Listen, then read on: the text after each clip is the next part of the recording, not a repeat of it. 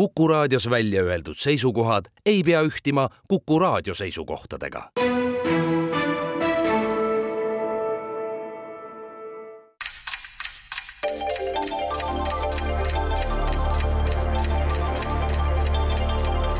tarkade klubi targemaid küsijaid toetab lisateadmistega Postimehe raamatukirjastus tere taas! kuku raadio Tarkade klubi tervitab häid kuulajaid Simuna Kuukski kutsutud oktoobri kolmandal laupäeval, kui üks sügisestest kolmainsustest ehk mütt, sall, kindad on ennast kindlasti tugevasti kinnistanud meeltesse või õigemini neid omavate kehaosade peale. olulised on nad kõik, aga kindlasti olulisim neist pea, mis muuhulgas võtab enda teada ka sellist fakti, et kašelotil moodustab nimetatud kehaosa tervelt kolmandiku kogu tema kere pikkusest see ja need muudki, olgem ausad, enamikule meist teinekord tarbetud teadmised on seesugused, mida üldjoontes juba üsna hämaral varasel pärastlõunal rohkem mõtiskletakse ja pead kui sümbolid paljudesse sõnadesse ja skeenedesse pikitakse näiteks kapsapea, mis leiab oma koha nii sahvris, hapendustünnis kui kirjandusklassikas. kõrvitsapea, mis tükeldatuna reeglina äädikavee ja pipratera taga oma lõppu ootab jõulude aegu, aga varem veel loomaaias hinnatud Anni või peatse uuspüha ehk Halloweeni olulise rekvisiidina. ja nimetatud pühas kulub ka üks artefakt, mis otseselt peaga seotud, marjaks ära aga siinkohal peame kinni.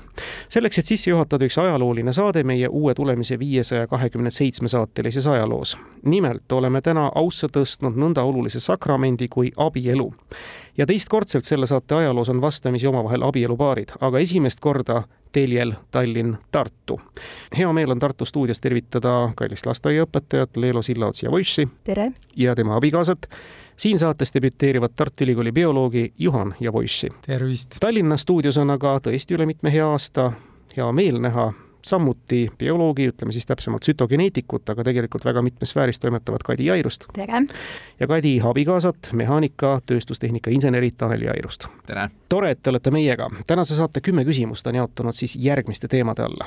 leivad ühes kapis, Slava Ukraini, Shalom Iisrael, geograafia ja vaaria küsimused on valmis seadnud Kivimäe kooli ajaloo ja ühiskonnaõpetuse õpetaja Margus Pillau, raadiokuulajad Tarmo Niinepuu, Janar Tiiroja ja Valeri Küpsis. alustame ning Leelo ja Juhan Tartus, teie saate esimesena teema valida. no vali sina, Juhan. mis see oli, üks oli Vaaria, jah? jaa, Vaaria esimene küsimus kakskümmend aastat tagasi täpselt, ehk siis kahe tuhande kolmanda aasta hilissügisel püüdsid mõned USA ajakirjandusväljaanded, võib-olla juba siis võõraste käte ja teadmistega, kompromiteerida Ameerika Ühendriikides toimuvaid kohalikke valimisi. Nad avaldasid artikli mehest, kes tuhande üheksasaja kolmekümne kaheksandal aastal astus Saksamaa võimuparteisse ehk Natsionaalsotsialistlikku Tööparteisse.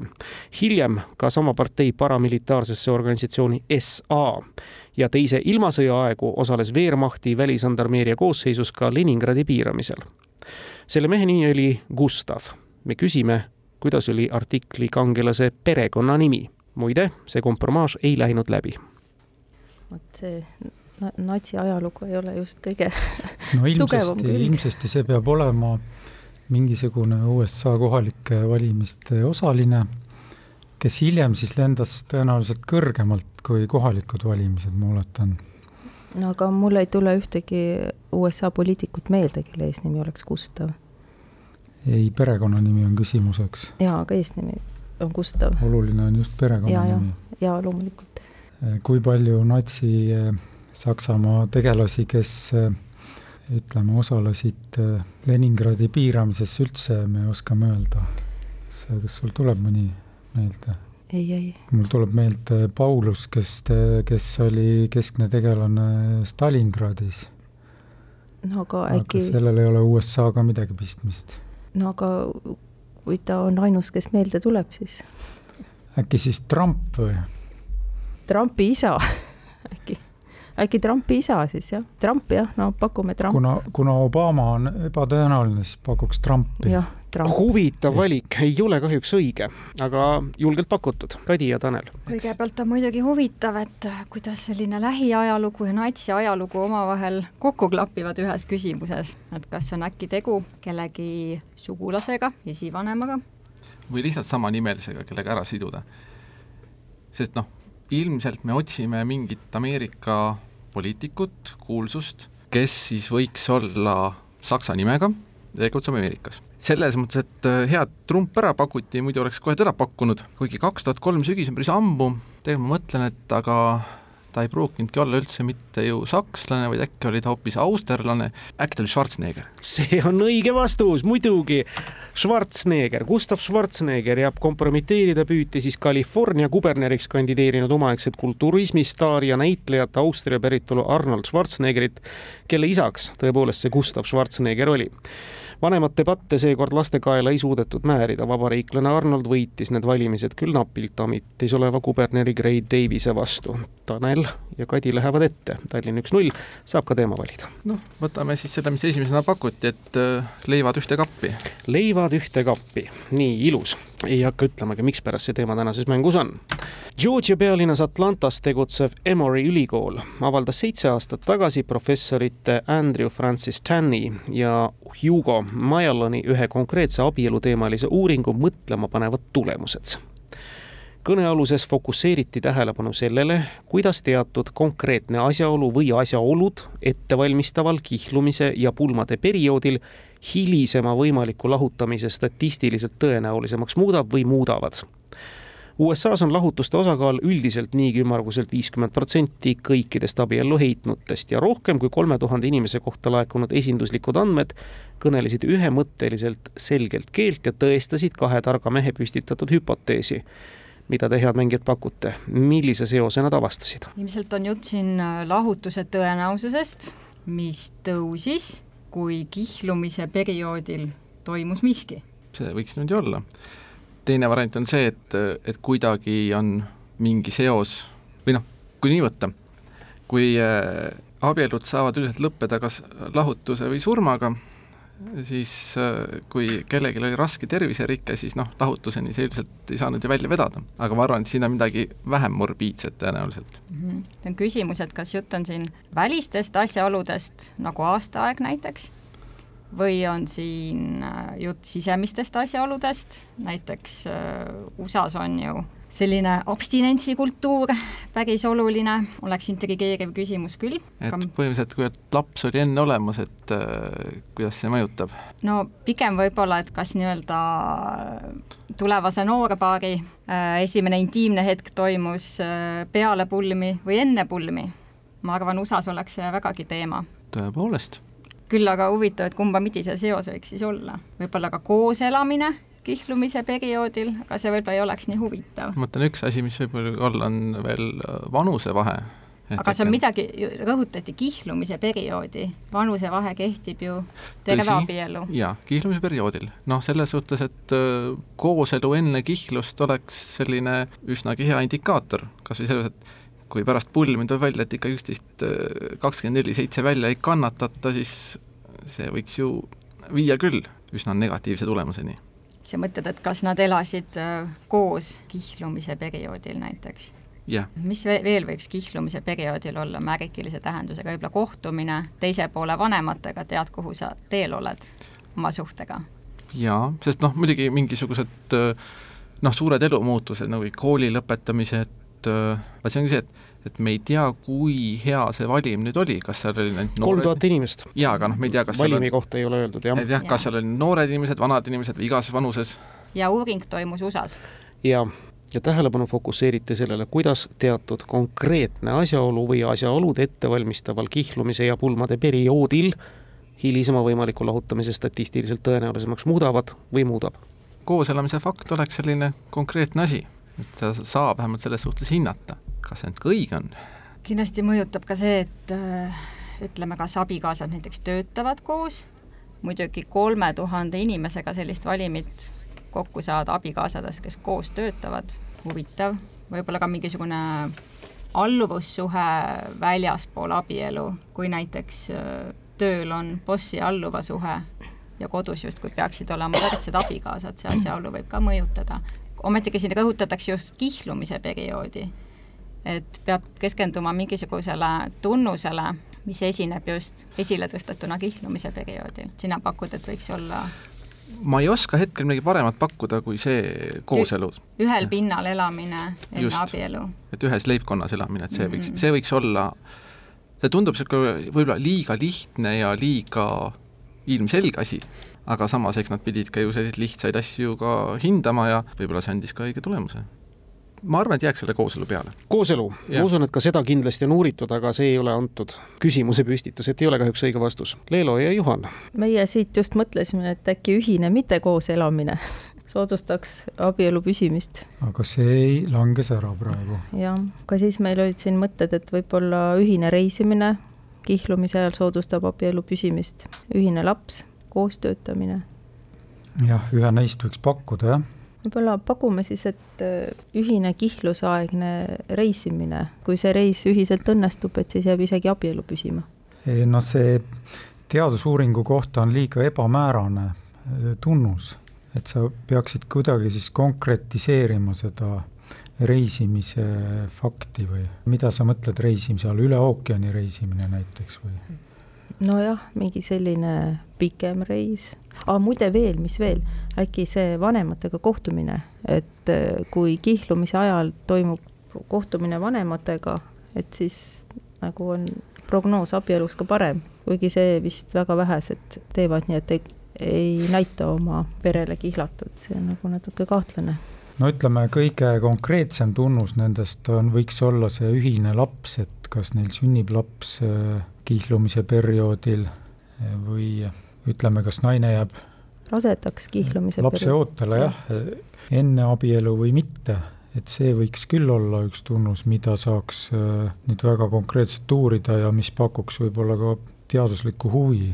nojah, aga võib-olla ma muidugi ei tea seda USA ühiskonda, et kui konservatiivne see ühiskond on, võib-olla seal sellised abielueelsed suhted ja lapsed on äkki väga nagu tabu, mitte aktsepteeritud enamuses. no seal on kõik, kindlasti kõike, et seal on kindlasti see temaatika olulisem kui meil siin ühiskondlikkust, kindlasti põhjustab rohkem emotsioone ühiskonnas kui, kui siin lääne või tähendab vanas maailmas nojah, aga see olema midagi, mis on nagu väga levinud kihlumise ajal, midagi sellist triviaalset, mida inimesed teevad kihlumise ajal. no aga pakume lihtsa näiteks selle koostöötamise, et et see on äh, selline hästi levinud tunnus. no jaa, aga kas sa mõtled nagu ühispalgatööd või ühist aiatööd või? ühises ettevõttes töötamist. ühises ettevõttes töötamist. ühispalgatööd ikkagi, jah. no aga see on ka suhtarv minu arust, et mõlemad osapooled ühes kohas töötavad. No pakume midagi ära, paku, tee sina valik siis. no aga tee sina valik no mina pakuks ühises ettevõttes töötamine, ühiselt tööandjalt palga saamine selle abielueelsel perioodil. Jääb nii? jah, no lähme edasi. no olgu, olgu peale, las olla see jah. siis kuuleme ometi seda vastust ka. just, just, kaua ja, võib. kena, see ei ole õige vastus kahjuks ja noh, lohutuseks võin öelda, ärge tülli minge, mäng on alles alguses, et äh, mitte ükski kuuldud nii-öelda variantidest, mis lauas käis ja õhus käis, kõik olid loogilised, aga kõik olid valed, me tahtsime küsida hoopis midagi väga pragmaatilist. mida rohkem mees kihlasõrmusele ja mõlemad pooled pärast pulmade korraldamisele raha kulutavad, seda tõenäolisem on hilisem lahutus kihlasõrmuse vastava uuringu järgi riskitsooni hind algab muide kahe tuhandest dollarist ja samas tähenduses pulmadele minev summa kahekümnest tuhandest dollarist. Francis Sten ja Mia Lon on majandusprofessorid. nii et nõnda triviaalne see vastus oligi.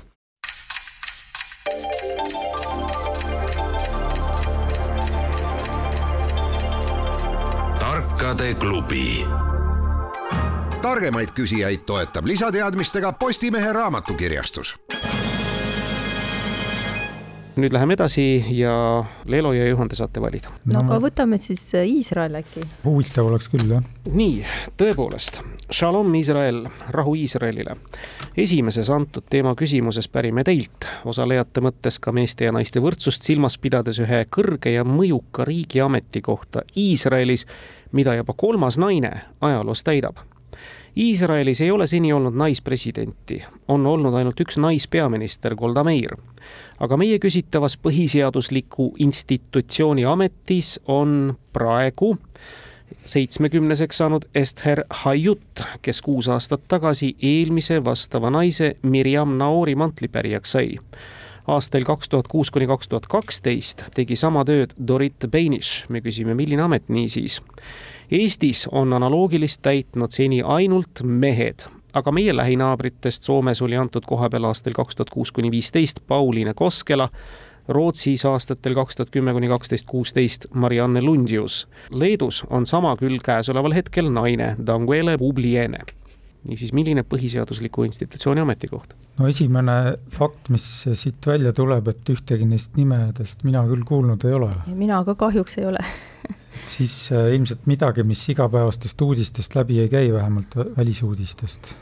äkki siis õiguskantsler või, või kas mingi selline amet ombud... nagu peakohtunik või koht, Riigikohtu esimees või midagi sellist on olemas? Eestis küll ja Eestis ei ole ükski naine seda ametit pidanud. Ei ole nagu kuulnud, aga see võiks ju sobida ehk jah, ega midagi paremat vist ei tule tõesti. mingi analoogne ametikoht, nagu on Riigikohtu esimees punkt teile, see on Iisraeli ülemkohtu esimees. Eestis on siis ülemkohtu nimeks teatavasti Riigikohus, see on kohtusüsteemi kui põhiseadusliku institutsiooni tipp ja tõepoolest üks nendest põhiseaduslikest institutsioonidest, mida ei ole veel juhtinud Eestis naine. üks-üks Tallinn-Tartu vastasseis jätkub viigis. Kadi ja Tanel, te saate valida iga teemal on kaks küsimust, ma meenutan. noh, siis äkki äh, kordame jälle see leivad ühte kappi, et ikkagi teemakohane. ja igati teemakohane ja nüüd jõuame ikkagi oluliselt lähemale. legendaarsed ja jätkuvalt vitaalsed näitlejad Tõnu Kark ja Ülle Kaljuste on kahtlemata olnud need inimesed, keda filmikaamera armastab palju on nad mänginud ka ühistes filmides ja seda muide ka abielupaarina. tuhande üheksasaja kaheksakümne kuuendal aastal linastunu võib vast öelda küll, et kultusfilmis Kesk ja rõõmud oldi küll samas aegruumis abielu inimestena, aga paari pandud vastavalt siis Maria Klenskaja ja Lembi Tulpsaki tegelaskujudega. aga neli aastat hiljem linastunud Kaljo Kiisa lavastatud filmis olid nad abielupaar omavahel ja küsimus kõlabki, millises filmis. see ühesõnalise pealkirjaga film valmis Aimee Beekmanni romaani Valikuvõimalus põhjal Eesti film aastast tuhat üheksasada üheksakümmend. ühesõnaline film, kus on ka abieluteemasid, valikuid, on Regina näiteks, aga näitlejad vist ei olnud need. ma ütlen ausalt, ma ei mäleta seda filmi absoluutselt, et äh, täitsa võimalik, et selline film on olemas, ma võtan üheks, ma ei tea selle ajastu Eesti filme tõesti nii väga, et äh... ühesõnalise pealkirjaga. Kui palju me üldse teame Eesti filmi, mis on ühesõnalise pealkirjaga Nukitsamees. nukitsamees oli natuke varem ja tegijad ka hästi ei klapi uh. -huh. veidi uuem peaks olema Tulivesi. muidugi see, et tegu on filmis abikaasadega, see ei tähenda, et et äh, see on selle filmi põhielement. see ei pruugi olla... üldse olla film peresuhetes, see võib olla. Nad võivad olla hoopiski kõrvaltegelased, kes juhuslikult seal mingis ühes stseenis. selles suhtes muidugi huvitav, et äh, ma arvan, kindlasti, kindlasti ma olen seda film, sellest filmist kuulnud ja kindlasti on seda ka nähtud. tolle ajastu filmid on ilmselt kõik ka meil siin Rahvusringhäälingu eetris äh, läbi käinud moel või teisel. selles suhtes Regina on hea pakkumine, sest ma ei tea ühtegi fakti selle filmi kohta, mis välistaks selle variandi. seal mees, mees abikaasa on niisugune kerge joomakalduvusega, et kas Tõnu Kargule niisugune roll sobiks? Tõnu Kark väga andeka näitlejana suudab igasuguse rolli mängida et selles suhtes vabalt suudaks. aga sa Tulivee näitlejaid mäletad? ei meil on laual, meil on kaks Eesti filmi, mis on ühesõnalise pealkirjaga ja, ja edasi on üks suur mäluauk. on noh, veel ühesõnaga, Corrida ja Requiem ja ja kindlasti veel, aga minu arust need olid ka kaheksakümnendatel ja vist mitte Kaljo Kiisa omad. huvitav, kas tegu võib olla ka animafilmiga, et nad tegid näiteks ainult häält Kaljo Kiis see on mängufilm. Kaljo Kiis minu animat ei teinud mm. -hmm. ma olen out of the box täielikult juba. ei, selles suhtes küll, kuigi jällegi üheksakümnendat aastat ma ei oska ühtegi animafilmi üldse mitte meenutada. jah, ma vist mõtlesin Kunksmoori peale, seal on ka abielu teema sees. tõsi? jah, aga tegu ei ole animafilmiga, nii et me peame tulema tagasi teemasse. mis ühesõnalise pealkirjaga Eesti filme me veel teame sellest ajaperioodist? Niimoodi üheksakümnendate algus, ainukene film, kus tuleb meelde, kus Tõnu Kark ka päris sees oli, Lammas all paremas nurgas. ja, ja mis ei ole kohe üldse ühesõnaline, see oli Just. mul ka meeles ja aga paneks äkki ära selle Regina ja., jah, ma arvan küll hea valik, see toob punkti, see tõepoolest on Regina ja Regina tegelaskuju mängib Ülle Kaljuste ja seda joomarist meest mängib tõepoolest Tõnu Kark ja küsimus ja valikuvõimalus on selles, et Regina tahab endale kolmekümne-aastase naisena väga last saada, aga ta teab, et joomarlusega tegeleva mehega on see hästi keeruline, ta otsustab selle lapse kõrvalt saada. aga siis ilmnevad mitmesugused probleemid, soovitame vaadata seda Eesti kinoklassikasse kuuluvat filmi kahtlemata. Tallinn kaks, Tartu üks Leelo Juhan saavad teema valida, millede hulgast nüüd leivad ühte kappi on läinud. no vali taas sina. ma võtan siis Vaaria, ei, ei, ma võtan Iisraeli. Iisrael, Iisraeli teine küsimus viib meid semiootikasse veidi. erinevad käemärgid on erinevate inimeste või inimrühmade jaoks erineva tähendusega, kohati võib see teema oma konkreetsetelt sisulistelt aspektidelt kellegi jaoks ka väga tundlik olla meenutagem kas või meie eelmise Riigikogu aegseid kõneainet pakkunud teatud olukordi. juutide jaoks näiteks on mõistagi ükskõik mis olukorras aktsepteerimatu sirgelt ette sirutatud, kergelt ülespoole tõstetud parem käsi kuid vähemalt üks käemärk, mis meie kaasaja massikultuuris veidi laiemat tuntust ja kõlapinda on saanud, on pärit nimelt juutidelt, täpsemalt leviitidest, preestritelt pärit kui algne õnnistamismärk. milline või kuidas väljendatav käemärk kirjeldage palun seda võimalikult täpselt, kuulajad teisel pool manavad oma silmad ette. kuulsaks tegi küsitava eelkõige Spocki tegelaskuju Star trackis Leonard Nimoy kehastuses. oi Eerum, nüüd tuli naeru ja kihinat. oi, see nüüd küll ei olnud see küsimus, mida võiks teada. et mul tuli esimesena tuli see Viktori märk, kaks sõrme püsti niimoodi. kas ütleme, juudi usundis on äh, number kahel mingi oluline tähtsus, kui jutt on õnnistamisest? Ei, ikka number üks peaks seal olema. igatahes Star trackiga ei ole me kursis, nii et ei. selles mõttes läks viltu. Läks viltu jah, oleks pidanud Vaaria võtma. ma ei tea, miks ma ümber mõtlesin. pool mängu on veel ees, jõuate ja et kuna see okei okay märk siin leidis ka kohe mainimist, siis see ilmselt langeb ka välja, muidu oleks liiga lihtne mm. -hmm. ja muidugi number ühest rääkides, siis keskmise sõrmemärke, mida tänapäeva noored väga ohtralt kasutavad. see vist on ka ebasobilik antud juhul, kuna ta ei, ei demonstreeri seda peopesa, mis võiks siis õnnistamisel oluline aga võib-olla see lihtsalt, lihtsalt see hamsa märk äkki araablastel on mingi hamsa märk nagu lihtsalt terve käsi sedasi nagu peopesa suunatud kellegi poole, see nagu võib-olla tähendab äkki mingit õnnistamist, äkki nad on selle juutidelt lihtsalt üle võtnud. ei no see peaks tänapäeva kultuuris väga levinud äh, märk olema et lihtsalt äh, käsi on ehk liiga lihtne vastus siin. oli ju käemärkidest see küsimus, on ju? jaa, käemärk no küll on lugu, et pole seda Star tracki viitsinud vaadata, hea olekski selle peale tulnud, et sellest filmist mingit kasu elus tuleb. Äh, milliseid käemärke me, kas see jutt on ainult ühe käemärgist või võib mõlemad käed olla hõlvatud? võivad ka mõlemad olla. äkki siis nagu käed üles panna sedasi, peopesad kokku, pea kohale käed ja kuidas seda tänapäeval kasutatakse no, siis? ma ei tea mulle tundub, et äkki kui keegi võidab võistluse, siis ta niiviisi paneb käed sedasi peopesad nagu kokku, kahju, et raadiopilte ei näita. seepärast palusimegi võimalikult täpset kirjeldust no kuidas seda nüüd kirjeldada?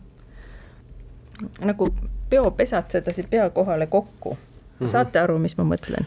mitte nagu terved peod kokku, vaid nagu sõrmed on kõveralt nagu ümber peopesa niimoodi, nagu terekäe moodi katsume aru saada, jah. mida see võiks, mida see võiks rituaalselt tähendada siis? no õnnistamise märk võiks olla midagi sellist, et mingi nagu ühtsuse sümbol või? aa, see, see võiks, minu arust tähendab see võitu äkki. ei, ma mõtlen juutidel just. Ei no ma kujutan ette, et õnnistamise märgid võiksid olla sellised avatud märgid, et peopesad on väljapoole või lihtsalt käsi nagu pea kõrvale tõsta, seda küünarnukist kõveraks ja see kahe käega näiteks niimoodi, kaks kätt seda küünarnukist kõveralt niimoodi enda kõrvale tõsta, kas niimoodi siis? jaa, ega mul paremat äh, mõtet praegu ei ole, et äh, kumma sa siis arvad, et on tõenäolisem, kas need kokku surutud käed aga kas see võidumärk ikkagi ei või olla? Aa ah, ei, seal on kaks sõrme vist, ei. tähendab siis no aga pakume ma võidu. proovin siis kirjeldada no, seda käemärki. kuulame huviga. no ma püüan. ma ei tea, kas mul õnnestub, te katsuge kaasa mõelda, tõstad käed küünarnukist kõveralt enda kõrvale, nii mm, -hmm. saate aru? peopesad on nagu, vaatavad sinna suunda, kus nägu mm. -hmm. ja siis ongi, ongi nii. kõik. ei ole kahjuks õige vastus, aga aitäh selle kirjelduse eest ja aitäh kaasa võimlemast. Tallinnas vist on Star tracki vaadatud me oleme siin juba mitu minutit nihelenud oma tooli peal kannatamatult. aga natuke närviliselt äkki teine pool mõtleb ikkagi välja ehk siis nad oma veemärgiga olid juba väga lähedal, aga tegemist on nii-öelda nagu, võiks öelda nagu kaksisveenemärgiga, ehk kus siis nimetissõrm ja järgmine sõrm on siis koos, väike sõrm ka oma naabriga koos ja siis nende kahe sõrmepaari vahel on siis tehtud selline V-täht. õige, see on nõndanimetatud vulkaansaluut, pika ea ja edu sooviga, milles pöial on ka teistest sõrmedest siis veekujulise nurga all eraldatud ja ülejäänud neli sõrme on täpselt kahekaupa samuti veekujuliselt lahus juudipreestrid muide tegid vastavat märki mõlema käega, Spock Star trackis aga tavaliselt paremaga. Kolm punkti Tallinn, Tartul üks punkt, läheme vahvalt edasi. Kadi ja Tanel, te saate valida, Iisrael on ka nüüd läinud, on jäänud Ukrainat, geograafiat, vaariat. no äkki jätta kaks geograafiaga. geograafia küsimus tuleb raadiokuulajalt Tarmo Niinepuult.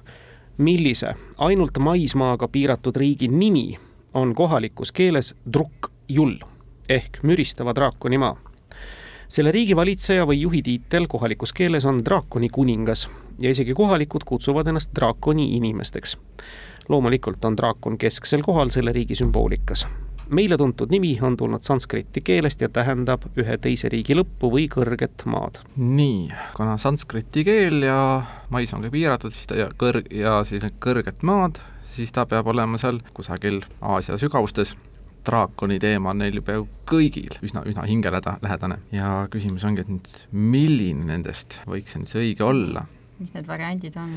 no variandid, noh, ongi noh, Tiibet on meil küll siin noh, ebamäärase juriidilise staatusega, aga on meil siin nüüd Nepal, Bhutan, põhimõtteliselt ka noh, Mongoolia tegelikult, kuigi noh, Mongoolia ei ole nii kõrge ja neil on ikkagi sealt vist oma see kuulsusrikas ajalugu on vähe olulisem muudes nurkades. ei oska nende keelte kohta ka midagi arvata, muidu paneks selle keelelise kõla järgi midagi paika, aga on üsna niisugune kauge kant meile sest jah, kui teaks, mis neil kohalikus keeles draakon on nagu, või noh, draakon on trukk või midagi, siis see trukk nagu, kas ta nüüd Aasia-päraselt ausalt öelda väga ei kõla, aga no aga samas, kui mõtleme, Aasiamaade kõige tuntum sõiduriist on tukk-tukk, mis kõlab väga-väga sarnaselt. miks mitte trukk-trukk. täpselt, sobiks jumala hästi mm. -hmm. nojah, ongi, Nepal, Bhutan on selles mõttes, nagu kindlad variandid, nendega muidugi see häda, et kui me nüüd siin valesti valime, siis teisel poolel on kohe liiga lihtne, alati on võimalus, et mõlemad on valed muidugi. kui nüüd mõelda, kes siis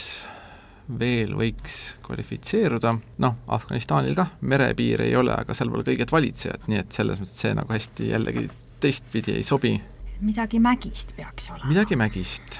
ma millegipärast ei tahaks pakkuda neid, kes siin olid meil äh, päris Nõukogude Liidu koosseisus, sest ma praegu see on valitseja nimi on see ja see valitseja nimi peaks olema siis nagu ajalooline, mis muidugi ei tähenda seda, et äh, ka kompartei esimene sekretär ei võinud ennast mingi hetk äh, nimetada, sest noh, ikkagi kõige kõrgem ja tähtsam ja kõige, kõige suurem draakon oma piirkonnas. kas me siis pakume ühe nendest kahest ära, et äkki vastased nihelevad seal tooli peal ja teavad juba õiget vastust? see on täiesti äh, usutav variant, eks me, no laseme natuke veel piinelda. peame ise ära otsustama, mis sul see parem tundub iseenesest sobiks hästi, kui neil oleks mõni vulkaan ka kusagil seal, aga ma hetkel isegi, et ei oska sealt nagu midagi nagu selles suhtes pakkuda. mis oleks veel muidugi draakontidega seoses, et äh, kui see oleks, koht oleks tuntud selle poolest, et sealt on mingeid äh, Sauruse luustike välja kaevatud Sauruse luid, see sobiks. no läheb vist lohedest natuke juba kaugele. jah, proovime siis niimoodi, et äh, Bhutan. Bhutan on õige vastus nii et kui ka vastased nihelesid, siis nüüd nad lõpetasid ja olles natuke võib-olla pettunud, et ei saanud võimalust. see on tõepoolest Bhutan, muide maailma ainus süsiniknegatiivne riik. tänasel päeval on seda popp mainida.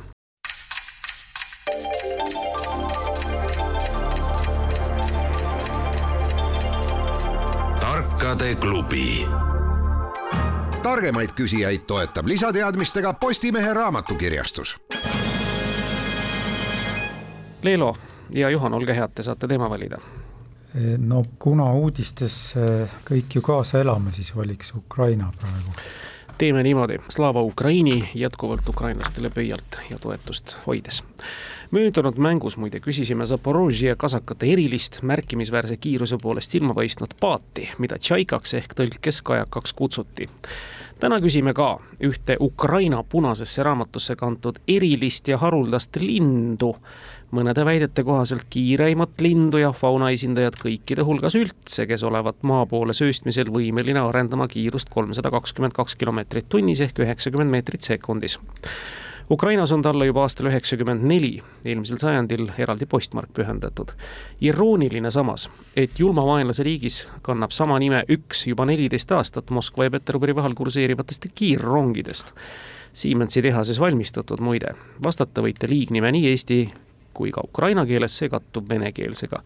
no bioloogi käest sellist asja küsida on muidugi natuke piinlik, aga kuulame. jaa, see, see on tõesti küsimus bioloogile, aga paraku jah, neid äh, fakte aju väga kinni ei pea.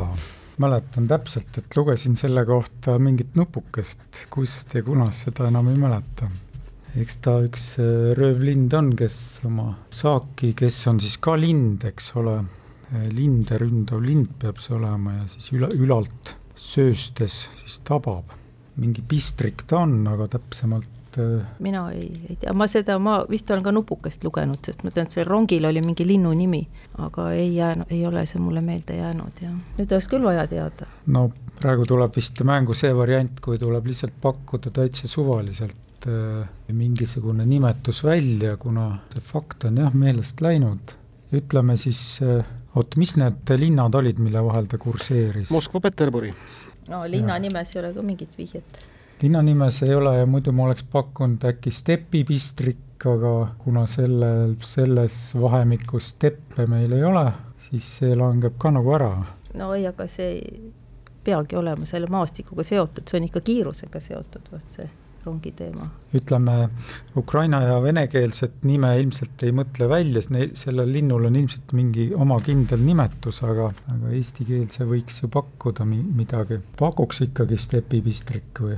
Venekeelset kindlasti, aga ukrainakeelset ei tea. nagu öeldud, siin võib pakkuda kõigis keeltes, mis ette antud no pea on praegu teravmeelsetest variantidest tühi, et pakun lihtsalt stepipistrik siis. mida Kadi ja Tanel pakuvad? et väidetavalt äh, kõik bioloogid on alustanud oma teed ornitoloogia huviga, äh, pean ütlema, et mina seda reeglit ei kinnita, aga õnneks Tanel tunneb meil hästi ronge. jah, ma siinkohal peaks ütlema seda, et tänu sellele, et üks meie järeltulijatest oli üks hetk huvitatud väga rongidest ja Youtube'i algoritm tänu geograafilisele lähedusele pakkus meile ka venekeelseid videosid, siis ma mäletan seda, et et erinevad rongid, mis siis äh, sõidavad äh, ka Venemaal, mis on Siemensi tehtud, et kannavad nime Sapsaan. Tõlkes on see rabapistrik. Tartu saab pool punkti pistriku eest, ma tulen nii palju vastu ja Tallinn pakkus õige vastuse täielikult, nii et ma annan teile täispunkti. see on tõesti rabapistrik originaalis Sapsaan, meenutagem siinkohal, et kunagi varem juhtisime ühes sama teema küsimuses tähelepanu Ukraina nõndanimetatud kolmharkvapile, mille üks originaalseid tõlgendusi muide on, et slaavlaste mütoloogilises Svarogi nimelise pistrikuga on tegemist, allosas pea, ülemised vasak ja parem haru on siis tiivad ja keskel on üleval kere, horisontaallennul on piirita ja rabapistrikust üldjuhul siiski kiirem ja veel pretendeerib kiirema linnu tiitlile näiteks ka nahkhiir Brasiilia kurdmokk, aga tegemist ei ole ju linnuga. nii et pistrik oli oli õige tee. ja Sapsaania tõepoolest, venelastel on nii palju siis küll nutti ja huumorimeelt, et nad on väga paljud oma rongid lindude nimedega ära dekoreerinud, sealsamas Moskva ja Peterburi vahet sõidab muide ka Lastatška. Läheme edasi, Kadi ja Tanel, te saate valida, ikka samad teemad, vaaria, geograafia, Ukraina, kolm küsimust lõpuni. no võtame teise geograafia ära. teine geograafia ja küsimus Janar Tiirujalt algab ta tegelikult filoloogilise küsimusega, kuidas on araabia keeles rahu kodu? tegemist on väljendiga, mida kannavad nimena vähemalt kaks geograafilist objekti, üks suur linn ja üks väike riik, kui nimetada ta täisnimetusega. see suur linn on oma kuue koma nelja miljonilise elanikkonnaga Tansaania suurim ja ühe regiooni pealinn India ookeani rannikul. aastani tuhat üheksasada seitsekümmend neli oli see ka Tansaania pealinnaks. küsitav väike riik on neljasaja kuuekümne tuhande elanikuga, kellest seitsekümmend protsenti on malaid ja kümme protsenti hiinlased.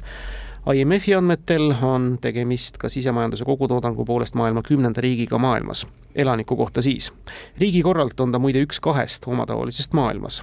niisiis, kuidas on araabia keeles rahukodu? see on muidugi huvitav küsimus, sest äh, rahukodu tähendas minu teada üks selline linn nagu Jeruusalemm, ehk Jeruusalemm, aga ja shalom üldiselt nagu see ka see rahu tähendas, aga sellenimelist väikeriiki, kus elaksid malaid ja hiinlased, ma küll ei oskaks niimoodi nagu kohe välja pakkuda.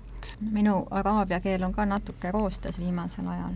noh, ma eks pole teda kunagi väga osanudki kuigi jah, eks siin äh, üksikud fraasid välja jätta, mida siin äh, rahvusvaheliselt üldiselt tuntakse, aga noh, malaid ju teadupärast elavad seal Malaisias ja eks mis seal Hiina lähedal, et äh, mis meil seal need väikesed riigid on, noh, selles mõttes, et et üks, üks selline suur, suur, suure SKP-ga ja muidu väike riik on Singapur, mis võiks olla. ja mida meil veel oli lisaks riigile vaja? sama nime kannab ka üks suur linn Tansaanias.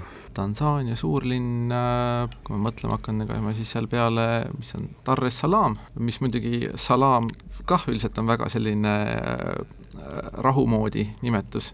no miks mitte, kannatab niimoodi kaheks sõnaks tükeldada küll. jaa, aga ma mõtlen just, et noh, et noh, suurlinn, noh, et noh, et ongi, et Dar es Salaam nagu oleks nagu üks, üks nimetus niimoodi noh, et mis see, mis see väikeriik siis olla nagu väike riik, kui ta nimetada täie nimetusega, tuleb sealt see rahukodu välja. see nagu viitaks no stiilis seda... Eesti Vabariik ja siis nimetad selle riigi samamoodi välja. tal oleks siis justkui lühike ja pikk nimi. Et selles suhtes, et äh, noh, Dar es Salaam nagu selles mõttes, et äh, oleks siis nagu ju sobiv vastus. jääte selle juurde? ma arvan küll. hästi teete, Dar es Salaam on õige vastus ja see väike riik on Brunei täispika nimetusega Brunei Darussalam Salam Salem on tõepoolest ja juutidel Shalom on rahu tõepoolest ja seda E on, tähendab siis kodu. see on teile vägev kuues punkt. ärge heitke tartlased meelt, see on mäng, kus tasub ikka jälle proovida, nii et kõigepealt teemavalik, kas Vaaria või Ukraina? võtame äkki Vaaria seekord siis.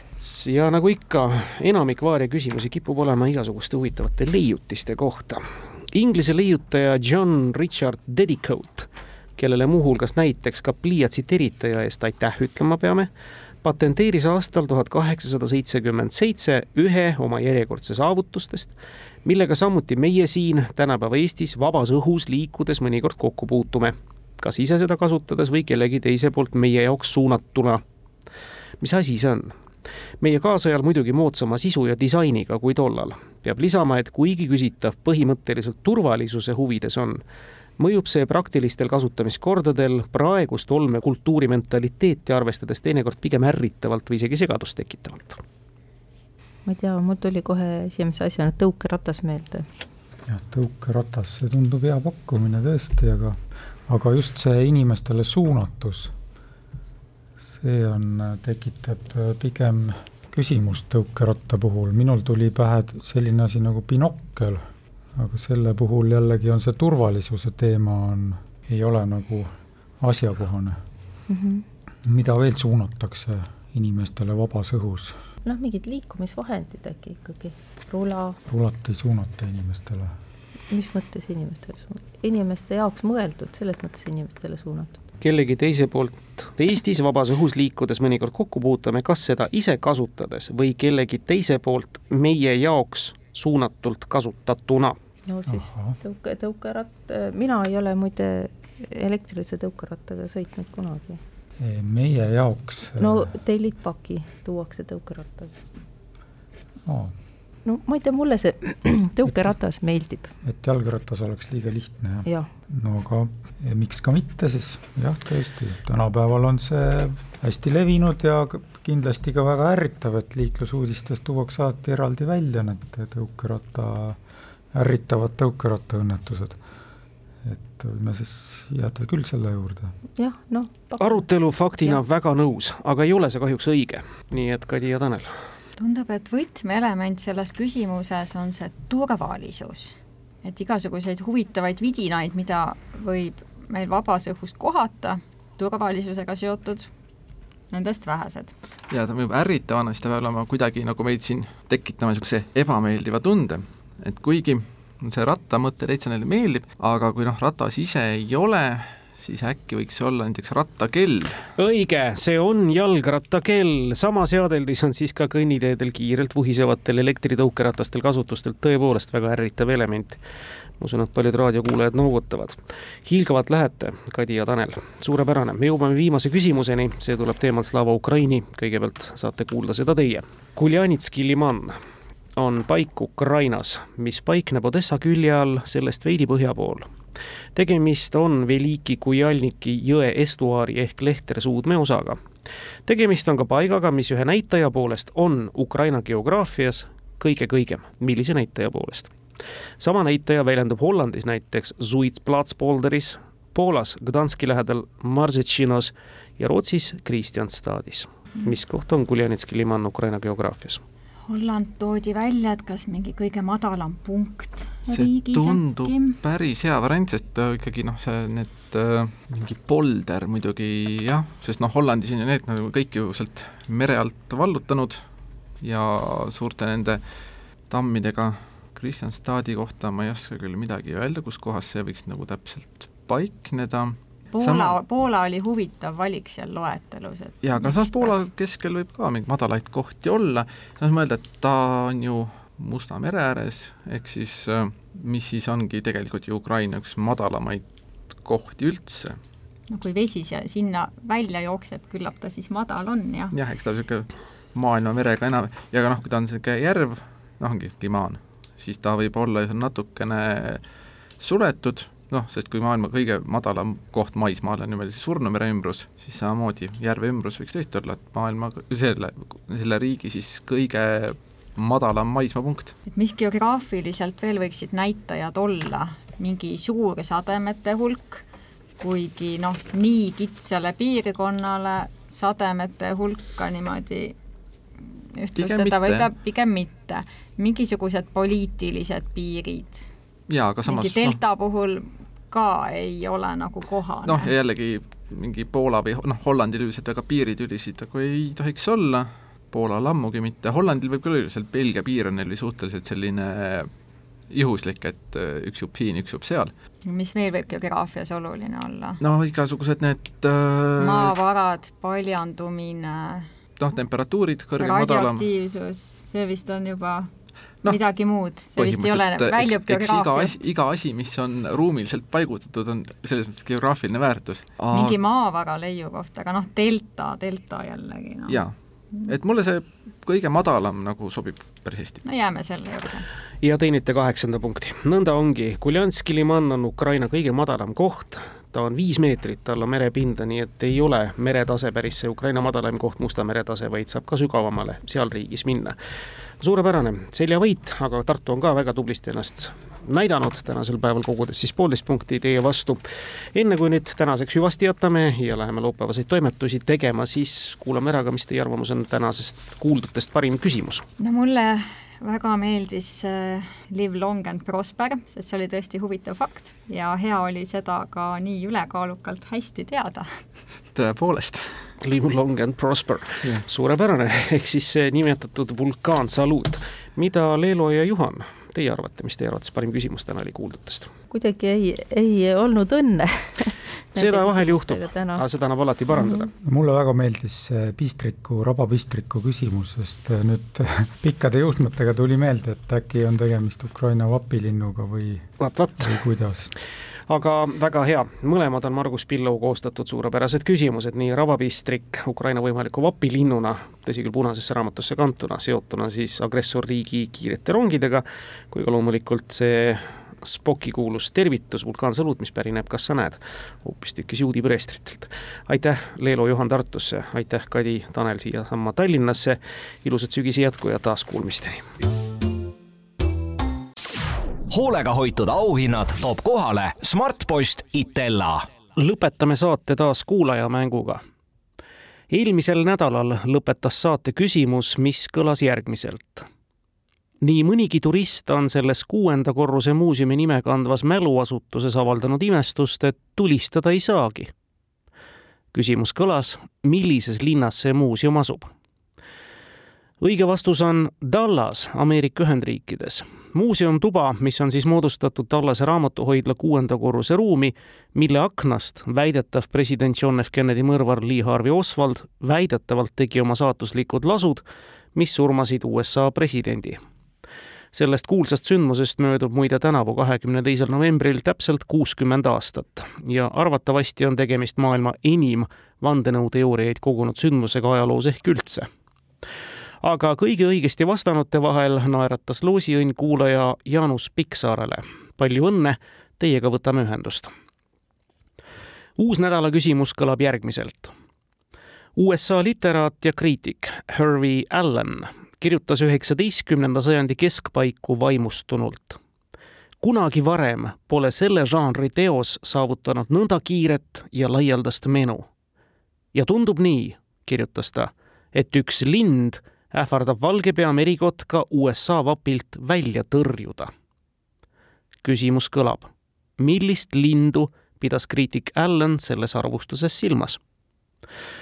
Vastuseid ootame nagu ikka e-posti aadressil tarkadeklubi.kuku.ee või tavapostiga aadressil Tartu maantee kaheksakümmend, Tallinn, Kuku raadio, Tarkade klubi. samadel aadressidel on oodatud ka teie küsimused saates mängivatele tarkadele. tänaseks lõpetame, kuulmiseni